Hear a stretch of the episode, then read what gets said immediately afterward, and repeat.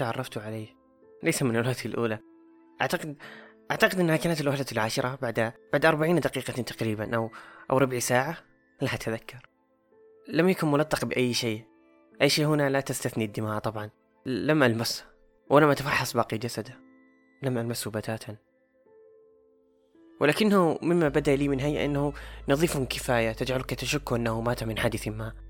لا أتربة على نصف وجهه المكشوف لي. ولا تسريحة شعر مشتبهة بعراك ما. في الحقيقة لم أفكر بكل هذه التحاليل في آنها. كل شيء بدأ يعود تدريجيا بعد الأسبوع الثامن تحديدا. أتدري ما الغريب؟ لقد بدأ لي جهازا لسيارة الإسعاف ملفوفا بما يشبه القصدير ولكنه غير مقلق على جسده. وكأنهم نسوا شيئا مهما في المركز فأسرعوا لجلبه. مهم؟ لا عليك. لا تذكر في الحقيقة كيف وصلت إلى هناك. هل أوقفت سيارتي مباشرة عندما رأيت شيئا يلمع على طرف الرصيف؟ أو أني دهسته فأكدت بهذا أن روحه لم يتبقى منها أي شيء. لا لا لا, لا تخف. أنا متأكد مني لم أقتله. ولا أقول هذا تبريرا ولكني بصحة عقلية جيدة لدرجة افترض أن تأخذ بآرائي بها.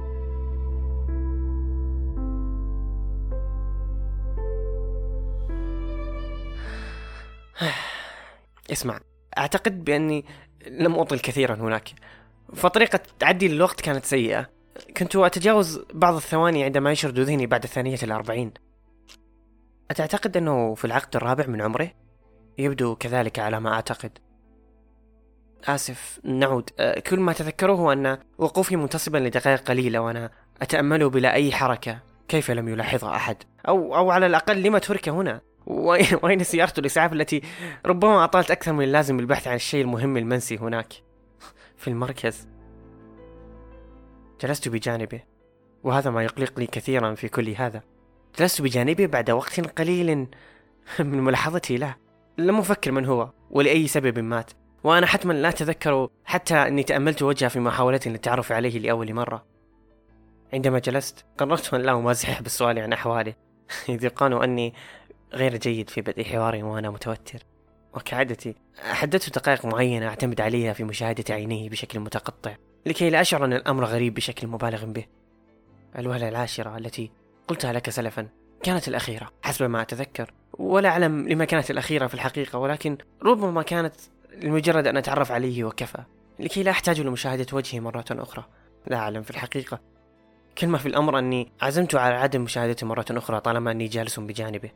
بجانب شخص تعرفت إليه بعد الوهلة العاشرة ولم أشعر بشيء حينها لم أعد متوترا كما السابق. في الحقيقة لم أكن أشعر بأي شيء حتى عند وقوفي أمامه لأول مرة. كان كل شيء يمضي في ذهني سريعا ويطفو ليذهب وجهة أخرى غير قلبي أو حتى أن يبقى في ذهني بشكل متكرر. لم يحدث كل هذا. كان الأمر بسيطا جدا بشكل اعتيادي وقفت جلست تأملت وجهه عشر مرات ثم لم أعد أفعل أي شيء سوى عد الثواني الخاطئة لكي أحسب كم من الوقت يستغرق المرء وهو يقود سيارة إسعاف لجلب مريض نساه على الطريق.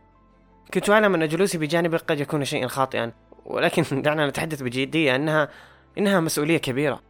كنت أريد أن يشعر أنه برفقة جيدة في حال طال الانتظار لوقت أطول هنا. أتعلم؟ كنت أريد بأعماقي أن أشعر بأني بجانب جثة كنت أريد أن أخاف ولكن لم يرق لي الأمر فلم يعد الأمر بعدها مصدرا للتوتر.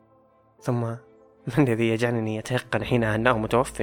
وأنا لم أتجرأ في لمسي أو تفقد نصف وجهه الملاصق للشارع. لم أقل له كلمة واحدة. أتصدق هذا؟ إذ كنا لم نحسب. السلام عليكم. التي قلتها له عندما وصلت إليه.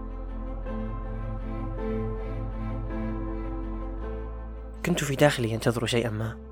غير سائق الإسعاف طبعا. لم أكن أعلم جيدا ما الذي يبقيني هنا أنتظر. كلما زاد الوقت قلت أهمية أن أكون بجانبه. ثم أني في كل خمس دقائق تمر كان جزءا مني يشعر بأني لا أكون احتراما لميت. جثة على جانب رصيف في طريق مختصر لا يعرفه إلا أنا.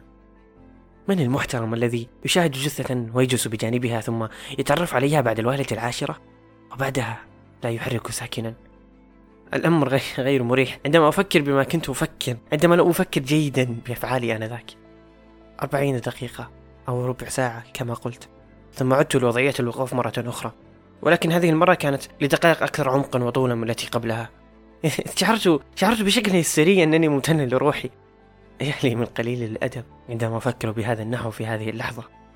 إذ لم أكن ممتنا لها سلفا دون أموات يظهرون في الطرقات ينتظرون توصيلة من إسعاف. دون أي شيء يجذبني لها لأكن ممتنا.